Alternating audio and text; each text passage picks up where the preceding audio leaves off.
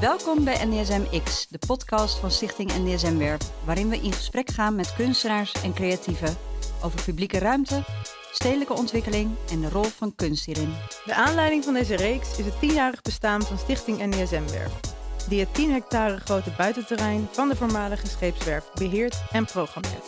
Tijd voor reflectie. Ik ben Ewe Schijfes. En ik ben Petra Hek. Vandaag zitten we hier in de studio met Lucas de Man. Hij is theatermaker, kunstenaar, regisseur en uh, ook nog tv-presentator.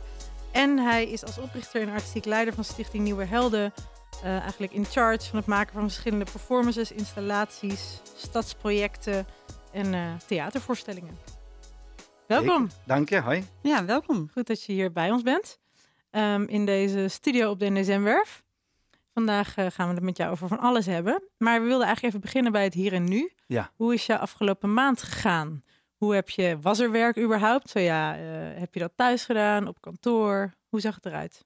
Um, was het prettig of misschien wel heel aanrelaxed? Afgelopen maand, nou, het, het, is van alles door elkaar. Ik noem het de misschien-maatschappij. Je zit in heel veel misschien-projecten. Of dit gaat misschien door, of misschien in deze vorm. Dus uh, ik heb het geluk dat wij als uh, organisatie Stichting Nieuwe Helden werken we alleen maar met freelancers. Dus we Hmm. hebben niemand in dienst. Alsnog hebben wij besloten om iedereen die op dat moment aan het werk was, zoveel mogelijk te helpen.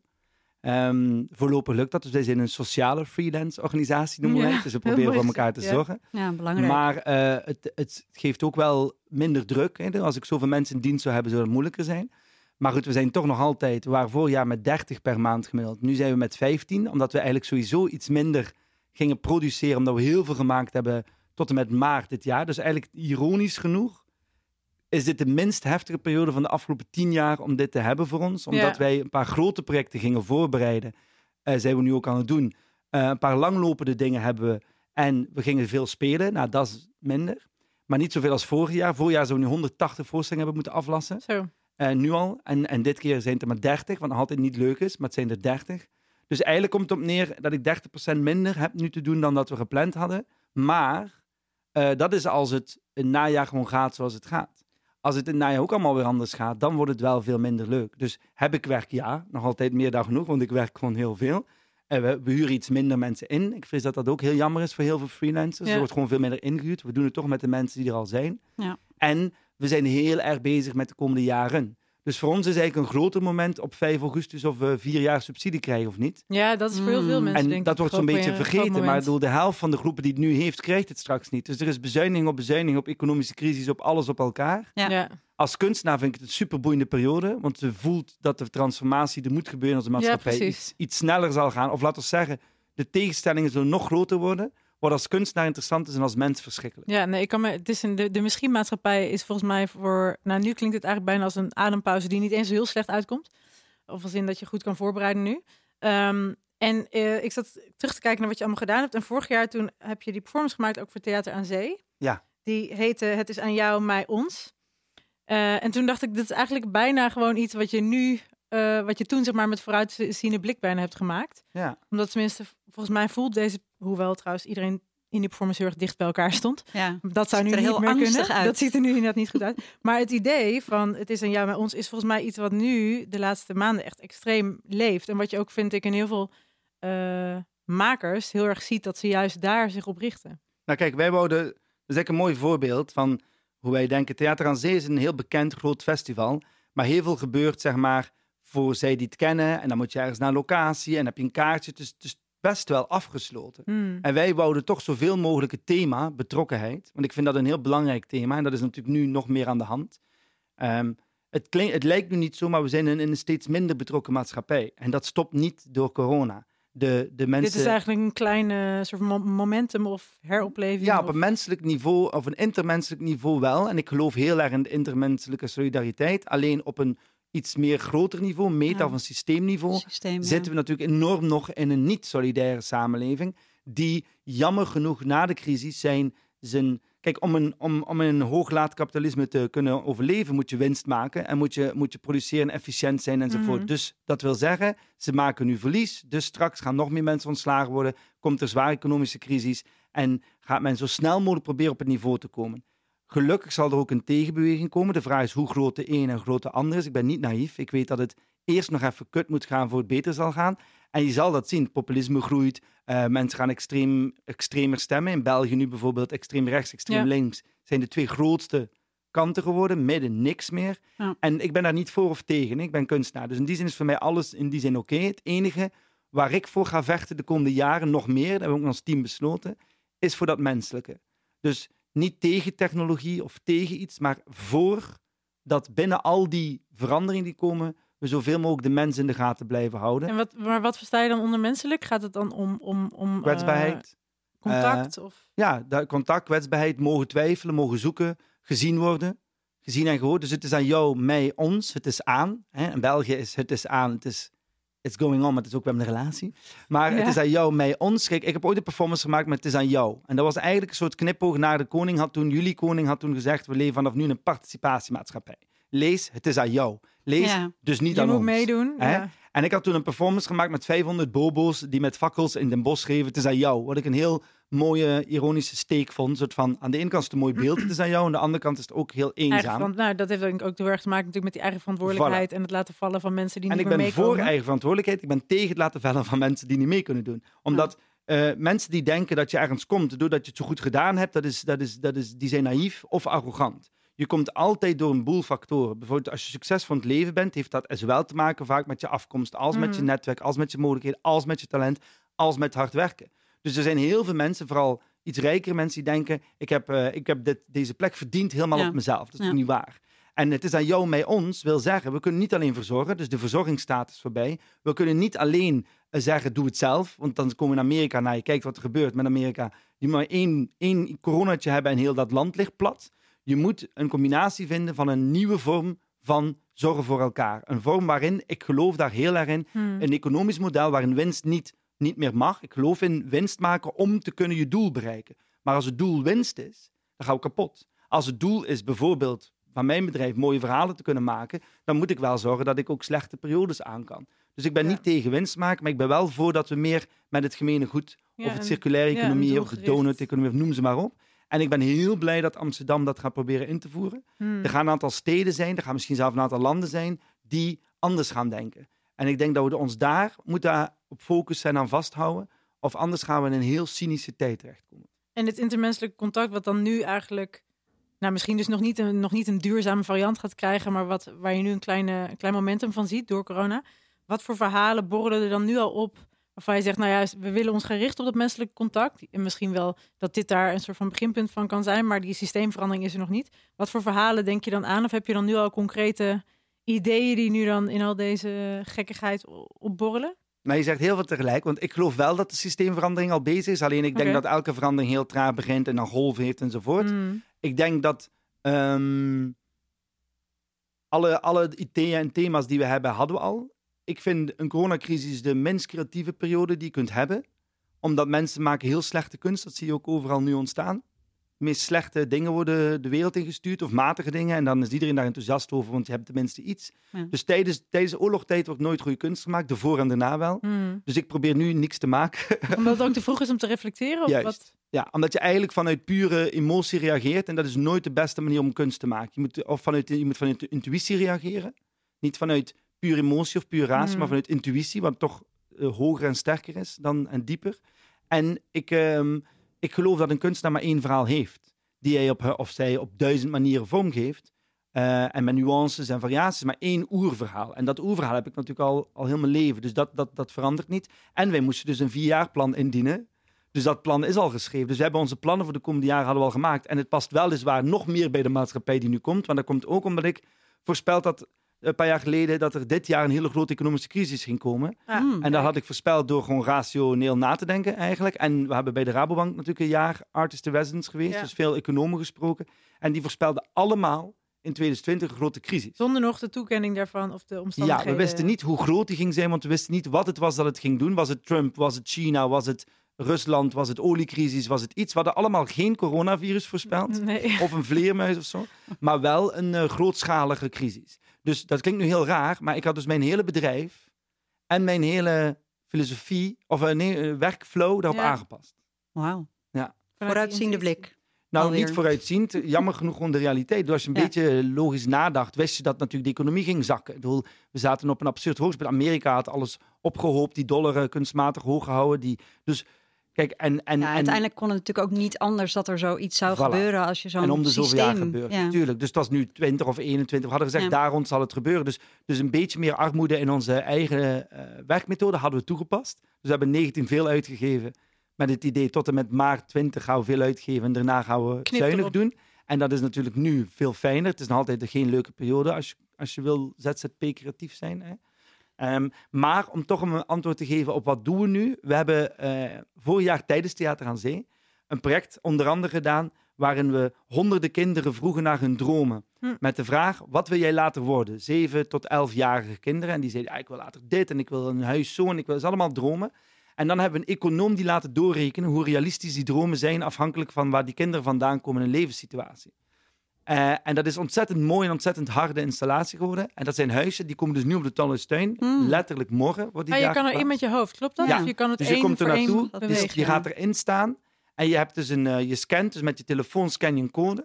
Je gaat erin staan, je ziet daar in tekening het verhaal, je hoort het verhaal van de kinderen. En dan staat er, wil je, het kind heeft 37% kans dat zijn droom waar wordt. Wil je weten waarom? Druk op ja. Wil je niet weten, druk op nee. Als je op ja drukt, Mm. hoor je een econoom, echt Mm. econoom, die dat met, 100, met eh, 10 studenten per casus, 70 studenten hebben ze dat uitgerekend, gewoon op cijfers. En Ja. hoor je, eh, als je een achternaam hebt die niet Hollands is, dan heb je zoveel procent minder kans op werk. Als je- en dat is die feiten leggen gewoon ons systeem bloot. Ja. En die installaties simpel en doeltreffend als de neten. Omdat je gewoon ziet, dit is gewoon de realiteit.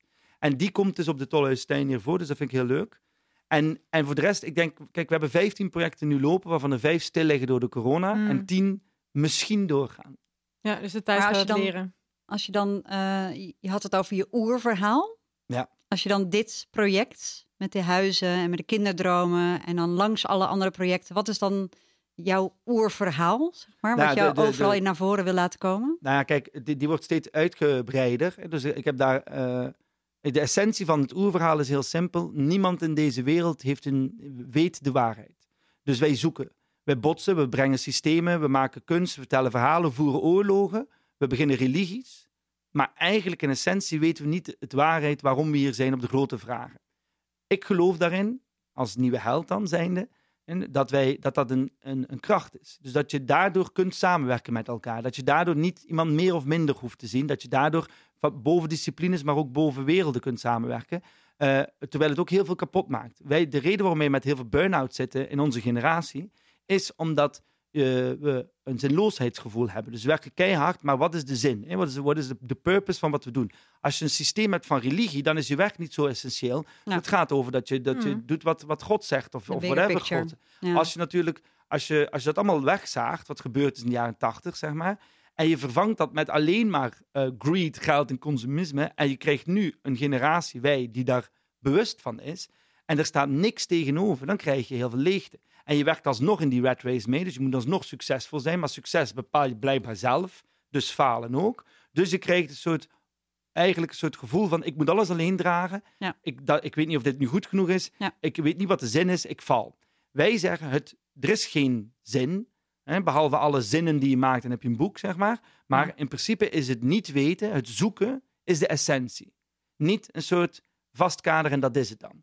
En wij maken kunst, want je maakt kunst met niet weten, dat niet weten is een kracht. Nou, als je dat dus als essentie, dus filosofie neemt, hè, je, je begint Hmm. met niet weten, daaraan koppel je dan dat dus het zoeken, onzekerheid, twijfel, kwetsbaarheid, elkaar proberen echt te ontmoeten, elkaar tegen te komen en zoeken, is dus heel belangrijk. Maakt ons mens. Want ik zeg dan in presentaties vaak, wat verschillen wij van de dieren? 99% DNA is hetzelfde met, een met een aap, of volgens mij zelfs 80% met een banaan. Hè? En wat verschillen wij van, van algoritmes? Want algoritmes zijn tegenwoordig slimmer dan wij, is 1%. Zowel van het dier als algoritmes. En dat is het procent dat beseft dat hij het niet weet. Dus een dier weet het gewoon niet. Die Ja. doet maar gewoon wat. Weet Ja. je? Die voelt wel. Volgens mij denken sommige dieren ook. Maar ze zijn niet bezig Zeker. van, ik weet niet wat ik hier doe. Hè? Ze doen gewoon, en ze ruiken en ze snuffelen en ze neuken en ze doen. En een algoritme weet het. En als het het niet weet, lost het het op. En wij zijn per definitie, beseffen wij, we weten het niet. Maar we zoeken wel en we doen van alles en we staan op en zeggen, goh, ik ga dit keer ondernemen of ik ga dat beginnen of ik ga een boek schrijven of ik ga, ik ga naar mijn werk of ik stop met mijn werk of ik begin een relatie of niet. En eigenlijk is het leven natuurlijk super, super simpel. Maar de complexheid is dat we daar meer van willen. Dus moesten wij mensen rustiger zijn, dan zouden we gewoon denken, nou, ik leef en ik zie wel. Weet je? En als ik gegeten heb en ik heb, en ik heb niet te koud, dan ben ik oké. Maar wij willen niets meer, alleen we weten dat we dan nooit perfect gaan weten of dat het klopt. Dus iedereen kiest iets. Sommigen zeggen, ik heb het gevonden en dat is het dan. En andere mensen doen door. Dus waarom, waarom ik mijn job fantastisch vind, als creator noem ik het, dus iemand die creatief is, iemand die verhalen en verbeelding brengt, is omdat ik alleen maar mag bezig zijn met de essentie. Hm. Namelijk dat de mens zoekt.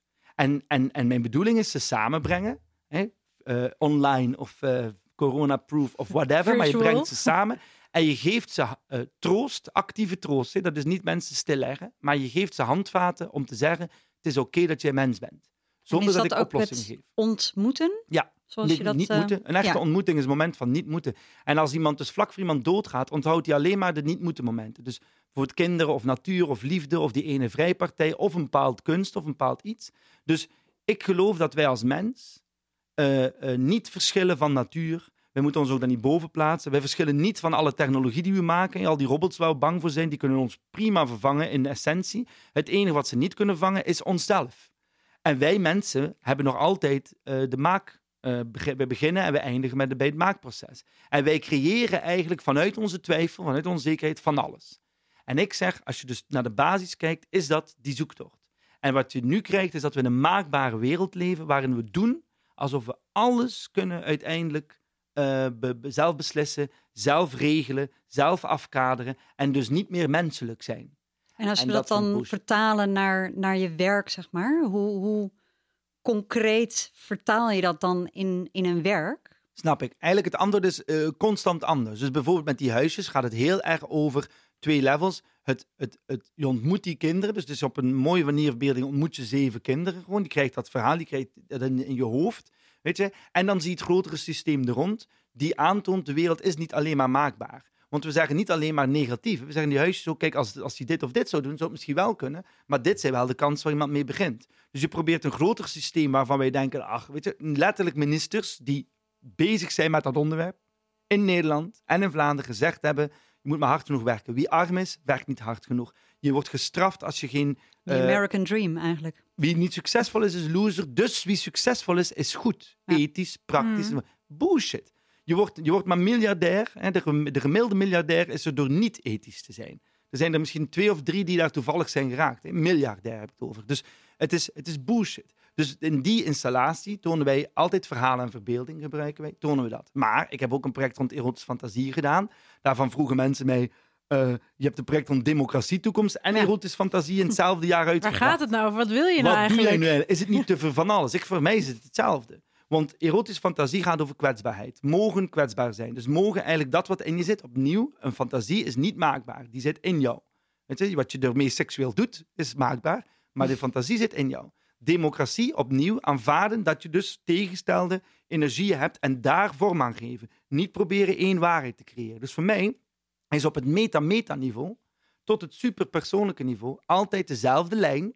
Namelijk zoeken naar het mogen, zoeken, vorm kunnen geven, verbeelding kunnen geven. Het, het kwetsbare noem ik dat, maar het kwetsbare is iets krachtig, weet je. Dus openlijk durven zeggen. Kijk maar wat eh, Angela Merkel gedaan heeft met die corona. Waarom vindt men dat fantastisch? Die vrouw van Nieuw-Zeeland, president hetzelfde. Openlijk communiceren. Zeggen, dit wordt moeilijk, ik weet het niet zo goed. Mensen Mm. vonden het fantastisch. Ja. In plaats van al die alfa-aapjes die daar staan je- te roepen. Tuurlijk. Dat je kwetsbaar bent en het ook niet zeker weet. Voilà, en dat je aan het zoeken bent, maar dat je wel eh, maatregelen neemt. Weet je? De Maar voel je, voel je als maker ook wel eens kwetsbaar? Ja, voortdurend. Kijk, in wij een zitten proces of in een... alleen maar. Ik vroeg, of laatst voor een journalist mij twijfel. Ik zeg elke dag.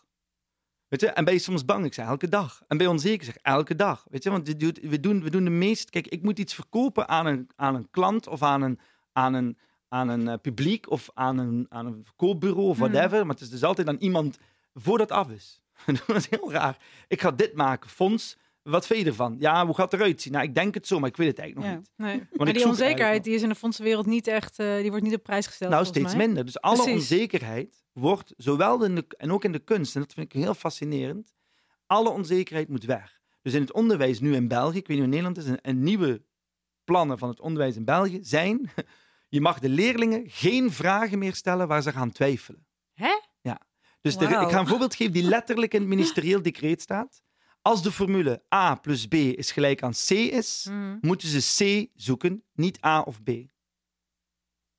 Wauw, maar van- vanuit welk eh, idee zou dit ontstaan zijn? Omdat men vindt dat iedereen moet mee kunnen. Dus je moet niet het moeilijker maken dan het is. En natuurlijk, mijn moeder werkt het, want die zegt: dit is de reinste idiotie. Want het zoeken naar B, in A plus B is C, is tien keer interessanter dan Ja. A plus B is C. antwoord, Want ja. mijn computer weet dat A plus B C is. Dus ik tik het in en ik krijg C. Snap je? Ja. En, dus, en wat doe je als kunstenaar? Je zoekt überhaupt A en B. Soms heb je C, soms heb je A. Soms, je Soms zoekt blijkt het helemaal niet en C te soms blijkt dat je A, B. C niet doet, want je moet gewoon 1 plus 39 in, gedeeld door eh, apen hebben of zo. Dus Ja. mijn, mijn vak bestaat uit eh, twijfel en onzekerheid. En, som, en ik vind het vreselijk soms. Ik denk, waarom ben ik niet dit of dit geworden? Had ik en meer verdiend en minder moeilijk gehad? En het antwoord is, omdat het in mij zit. Dus ik moet maar aanvaarden dat dat dus blijkbaar is wie ik ben. En, en, en dat heeft ook een tijd geduurd, maar dat was veel vroeger. En nu heb ik dat aanvaard en nu probeer ik de beste Lucas te zijn. Dus als mensen mij vragen, wat is je carrière doel? Eh, Iemand vroeg mij letterlijk op laatst, over vijf jaar Lucas, waar, zie je jezelf? Ik zeg, nou, eh, wat is je doel? Ik zeg, de beste Lucas worden. Als, als beroep, hè? Mhm. Niet als... Dus, dus niet een... Ik wil niet een beeldend of een theatermaker. Of, bedoel, die, die, die- ik, ik vind In het leuk, maar je hebt zelf zeven termen gezegd wat ik ben. En, Ja. en het is allemaal wel. Ik noem mezelf creator. En ik probeer de beste mij te zijn. Dus elk project dat ik doe, of ik nu als opdracht krijg of zelf, probeer ik zo trouw mogelijk met mijn team, zij met mij, wij met Mhm. elkaar, eh, te doen. En dan zal ik de meest succesvolle ik zijn. En dat is dan gewoon de waarheid. Dus, dus, en, en, en ik ben niet bezig met had ik maar dit En dan ben je eigenlijk je eigen beoordelaar. Dus dat is natuurlijk ook eh, Ja. daarin mooi. En je, moet en je hoopt dat je iets veroorzaakt bij een publiek. Kijk, het ergste Ja. zijn als je publiek zegt, alleen maar zegt, ik was allemaal kut. Weet je? Ja. En dat heb ik gelukkig eh, niet zo vaak. Nee. We zijn hier trouwens natuurlijk op de NSM. En je vertelde even voordat eh, dit allemaal live ging, vertelde je dat je hier ook gedeeltelijk, eh, zeg maar, ook een beetje in de bloei van je carrière dingen hebt gedaan al op de werf. Kan je even kort je uitleggen hoe je je verhoudt tot de, tot de NDSM? Of wat je onder andere hier gedaan hebt in Ja, een dus ik, eerder verleden? in een eerder verleden. Ik ben dus nu elf jaar afgestudeerd en, en dus 4 plus 11. Ik ben 16 jaar in Amsterdam. Alleen je doel aan en af. Maar eh, ik heb dus regie gestudeerd. En tijdens de regieopleiding moesten wij eh, een eh, voorstelling maken in ons derde jaar. En ik heb hier nog gedaan. Ja. Anyway, we hebben toen een festivalletje bedacht. En toen had ik, had ik een voorstelling in de ITW-loods, heet het. Dat was het ITW-loods. En daar had ik een voorstelling met 50 kuikens gemaakt. En een, drie acteurs en een motor, een pizza, cola light blikje en, en 50 meter rubber. Zo, dat was ook letterlijk de ondertitel. Ehm, en dat was gebaseerd op Naakt van Mike Lee, die film Naked van Mike Mm. Lee. En die voorstelling eh, had enorm veel succes gehad. Ik had die als, als voorstelling gemaakt op school. En die is daarna gaan toeren. Dus dat was heel leuk. En die heeft een prijs gewonnen of Ja. nou, zoiets. En het leuke was, het erge was, we gooiden dus eieren tegen de muur. In ITW, want het was allemaal nog, als was een rock en roll en mochten dat. En we hadden geen geld. We waren studenten, we hadden 100 euro per week of zo om daar Eieren te zitten. Dus dat mocht allemaal nog. En eh, toen waren ze achteraf heel kwaad, want die eierengeur ging er niet uit. Want we hadden de muur weer Oh. wit geverfd, maar de eierengeur ging Ja, er want niet uit. NDSM is wel een beetje beschermd eh, gebied, hè? Dat is Geworden, wel eh, ja. geworden, ja, inderdaad. Ja, Want het was, het was in die tijd, we hebben zoveel gedaan in performance en fotoshoots. En ik heb ook nog drie jaar op een boot gewoond hiernaast. En, en toen kwam zo plotseling MTV en toen wist je, it's over. Weet je, de, de rauwe, we gaan hier skaten en feesten en dat is over. Alles wordt gere- gereglementeerd. En ik was echt oprecht bang dat het hier heel saai ging worden. En Mhm. ik vind het fantastisch om te zien. Want ik heb hier later nog de Fight Club gedaan met over het ei gezeten. Dat het eigenlijk nog steeds een soort rauwheid heeft. Dat, het, dat er nog steeds heel veel coole dingen kunnen gebeuren. Maar dan wel op z'n Hollands. Dus gereglementeerd en Ja. eh, afgekaderd. Vergunningen. Vergunningen en veilig. Maar kijk, ik denk, want het ging over publieke ruimte. Kijk, voor mij is de publieke ruimte elke ruimte waar publiek mag komen. Dat is een publieke ruimte. Een buitenruimte is iets anders, openbaar. Maar Mhm. publieke ruimte vind ik, vind ik het belangrijkste dat er bestaat. Ik mag als mens daar komen zonder dat ik daar eh, privé hoor te zijn of een pasje moet hebben ofzovoort. Weet je? En, en de, de, het verlies van publieke en openbare ruimte, want die twee, hè, openbaar is gewoon iedereen mag, ook heb je geen kaartje. En publieke ruimte is dat je zelf op plekken kan komen als je binnen bepaalde contexten, zeg maar. Ik denk dat dat zo belangrijk is, omdat waar wij net over gehad hebben, over de eh, ontmoeting. Als je niet oppast, kom je alleen maar dezelfde mensen tegen. En, dan- Ja. en heb je dus niet door wat een samenleving is. En dan ga je ook niet aantrekken van de mensen die je niet kent. Ja. En er is bewezen met heel veel vormen van eh burgerdemocratie, dus democratie lokaal tussen burgers. Als je daarin andere mensen van verschillende culturen, religies, sociale statussen bij elkaar zet. En die laat nadenken over eh, vraagstukken van de wijk bijvoorbeeld, ga je veel interessantere oplossingen krijgen die veel meer gedragen worden dan als een bepaald groepje Dit daarmee zijn ze in Vlaanderen al aan het doen, hè, met de Ja, burgerparticipatie. ja, de nou, ik, ik ben en, dus eh, nu dit weekend... Eh, vooruit aan Nederland in dat dit weekend maak ik vijf afleveringen, televisie, maar niet voor de nationale televisie, maar voor de, Mhm. gem- voor de VNG, dus de Vereniging van Nederlandse Gemeenten. Ja. Ja. En alle gemeenten krijgen vijf afleveringen van ons Ja. eh, tv-programma rond vernieuwing en democratie. Dus Ja. wij geven voorbeelden vanuit de hele wereld Ja. aan hun rond hoe mensen weer samen kunnen eh, invloed en mee mogen doen. Ja. Nou, en ik denk, als je dus wil dat jouw samenleving voelt dat ze een samenleving zijn, dus dat er diversiteit is van alles. Het gaat niet over kleur en geloof alleen, maar gewoon over allerlei soorten mensen met soorten energieën. Dan moet je plekken hebben waar die mensen elkaar kunnen tegenkomen. Mhm. Hè, vroeger was dat de Agora. Dan werd dat uiteindelijk, eh, steden werden steeds groter. En, en als je dat allemaal wegdoet, de pleintjes weg, dingen weg, of je mag alleen maar binnen als je vergunning hebt, of als je, weet ik veel, 100 jaar woont of zo.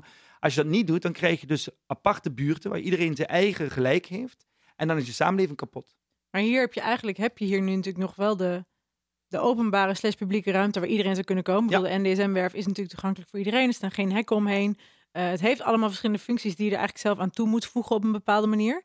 Ehm, hoe, zou, hoe kijk je naar de NDSM en naar de mogelijkheden hier? Nou, Ja. dat moet je dus gaan doen. Je moet, dus het feit dat hier die grote macht is, waar, waar, waar iedereen zijn spullen komt ruilen. En de dag daarna een van de cool eh, festival. En, en eh, dan je kunt gaan dansen en raven hier. En dat je ook kunstenaars hebt. En dat er hier eh, bekende meubelzaakjes zijn. En dat je hier kunt eten en drinken. Dat iedereen hier kan komen, is super essentieel. En ik denk, blijf dat doen. Want je kan heel makkelijk voor de hipsters alleen maar eh, inrichten hier. Weet je, ik bedoel, plek is fantastisch. En die, maar je hebt hier zoveel soorten mensen. Je hebt hier de armste wijk van Nederland ligt hierachter. Je hebt hier eh, toeristen tot en met kunstenaars, tot en met juppen die hier komen. Ik denk, als je die constant bij elkaar kunt brengen en laten clashen, Mhm. positief hè, nou, dan, dan, dan is dit een topplek. Hoe zou je dat concreet ehm, voor je zien? Want tegelijkertijd vind ik het ook soms hè, dat je je eigenlijk wel meer welkom voelt als je bijvoorbeeld naar de eihallen gaat. Maar dan moet je wel een kaartje kopen. Hè? Het zit toch achter hekken. Dus soms voelt het meer welkom als je ergens binnen bent dan dat je op het terrein bent. Omdat het, omdat het buiten misschien al ervaren wordt soms als een soort van groot... ja, toch, toch heel vlakte. onheimisch. Terwijl er eigenlijk wel die, die ontmoeting of die, die samenkomst juist heel goed mogelijk is. Dus... Nou, ik denk, er is niks erg aan het organiseren van een mogelijke samenkomsten. Alleen je moet niet denken dat je het alleen kunt weten. Dus de, de Nee. truc is aan genoeg andere mensen de mogelijkheden geven om hier een ding te komen doen. Ga je rapper een, een interessante clash krijgen dan als je het... Wij zijn eh, hier eh, met eh, allemaal blanke jonge mensen.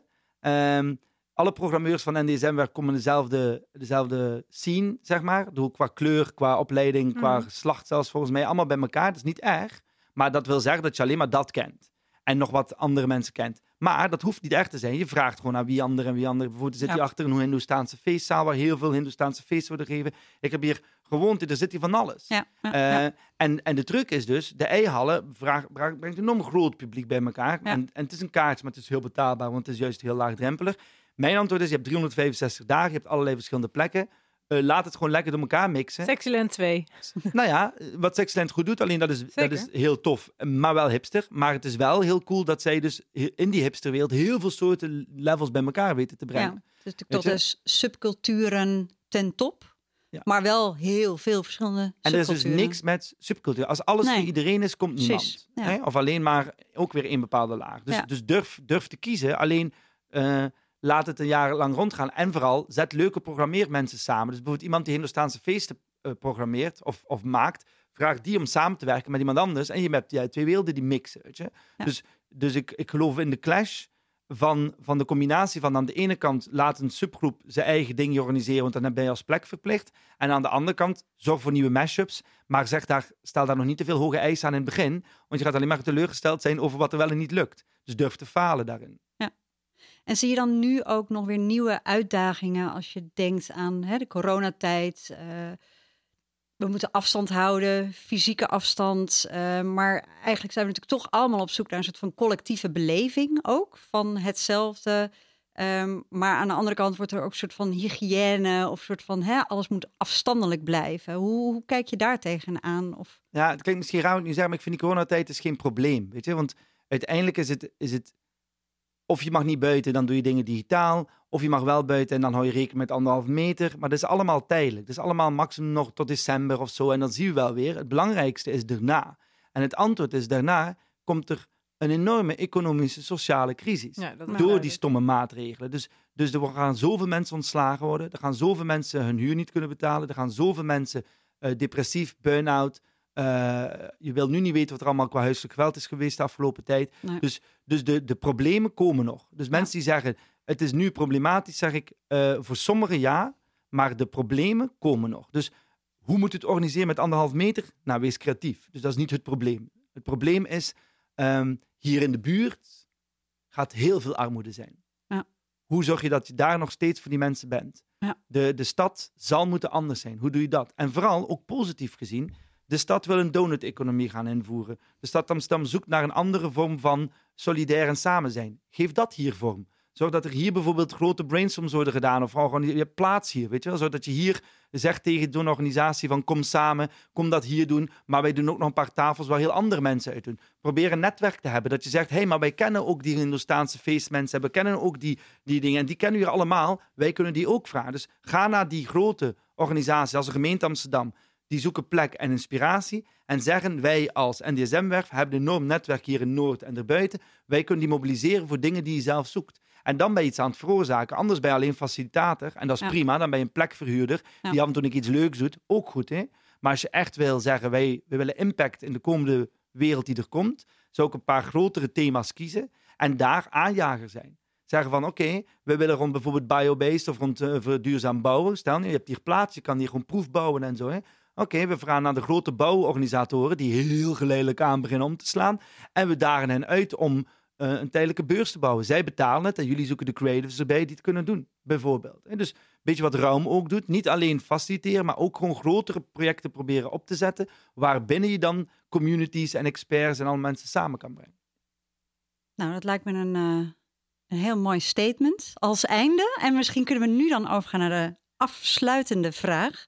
Ehm, heb je nog een, een tip aan de luisteraar? Of waar heb je zelf heel veel eh houvast eh, aan gehad de afgelopen tijd? Of een soort van leestip of een podcast? Of, of gewoon een ritueel of iets wat je dagelijks doet dat je denkt van nou, hè, dit, dit helpt mij.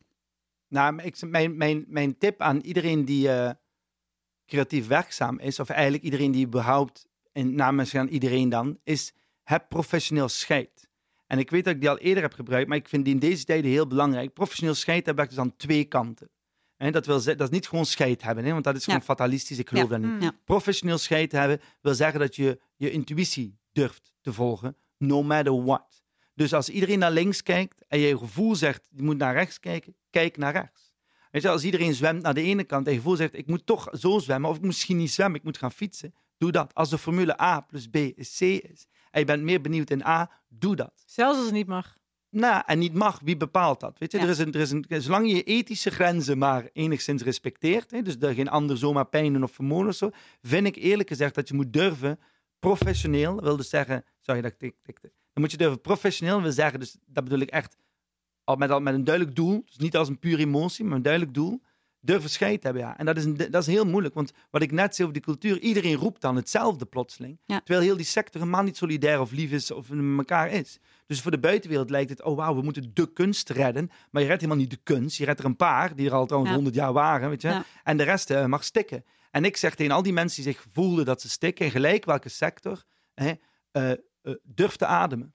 Door gewoon dan een beetje verder te gaan staan. En ik ga nooit zeggen dat het makkelijk is. Want het leven is totaal niet makkelijk. En ik weet ook dat als je op een andere plek geboren bent, of in bepaalde situaties bent, of dingen, dat het veel moeilijker is dan voor andere mensen. Dus voor iedereen is het leven even makkelijk, klopt niet. Het is voor veel mensen op vele tempos. Alleen vind ik wel dat je het aan jezelf vereist bent te proberen te doen wat je kan doen binnen jouw limieten. Meer niet. Je hoeft niet meer te kunnen dan, dan je zelf voelt dat je moet doen. En dus professioneel scheiden wil ook zeggen dat je kunt zeggen van, eh, weet je wat, ik ga gewoon eventjes een maand eh, niks doen. Ja, ja. En ik ga me eruit trekken. Of ik ga veel kleiner wonen. Of ik ga, ik ga niet meer dit doen. Ik ga iets anders doen. Of nee, ik blijf dit potverdikken doen, want ik wil dit doen. Allemaal prima.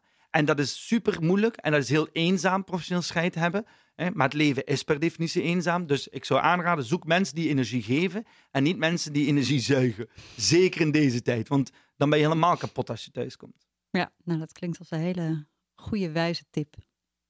precies. Vind ik ook. Dankjewel, fijn dat je hier Dankjewel was. voor dit. Ik gesprek. wilde het eigenlijk ook nog even hebben over het Amsterdam Light Festival.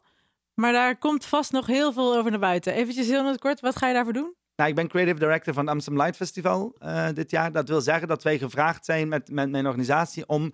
eh, het was altijd een boottocht en met corona zal dat waarschijnlijk niet kunnen. Dus we gaan een wandeltocht doen. Maar wat cool is, is dat we echt eh, een immersive wandeltocht doen. Dus mensen krijgen eigenlijk via een gids of via Mhm. eh, eh, hun device, hun telefoon, een heel, een heel verhaal langs kunst, door kunst, langs tuinen waar je nooit geweest bent, Ja. met veel meer story. Dus het is eigenlijk theater plus lichtkunst en de stad in één. All combined. Ja, Ja, en als het niet, maar het is misschien. dit Niet is een van die misschien projecten natuurlijk. misschien. Dus we zien wel. Maar dan weten mensen toch, dan kunnen ze zich gewoon een beetje gaan verlekkeren. Ja, ook al ja, ja. komt het er misschien niet uit zo mooi als je het nu omschrijft. Dankjewel Lucas, fijn dat je hier was. Graag gedaan. Dank voor het luisteren naar NDSM X. Je kunt je abonneren op deze podcast via Spotify, iTunes of Soundcloud. Wil je op de hoogte blijven van alles wat er gebeurt op de NDSM-werf? Ga dan naar ons magazine op www.ndsm.nl. En als je nog vragen hebt naar aanleiding van deze uitzending of suggesties, mail ons dan vooral op redactie.ndsm.nl. Heel graag tot de volgende keer.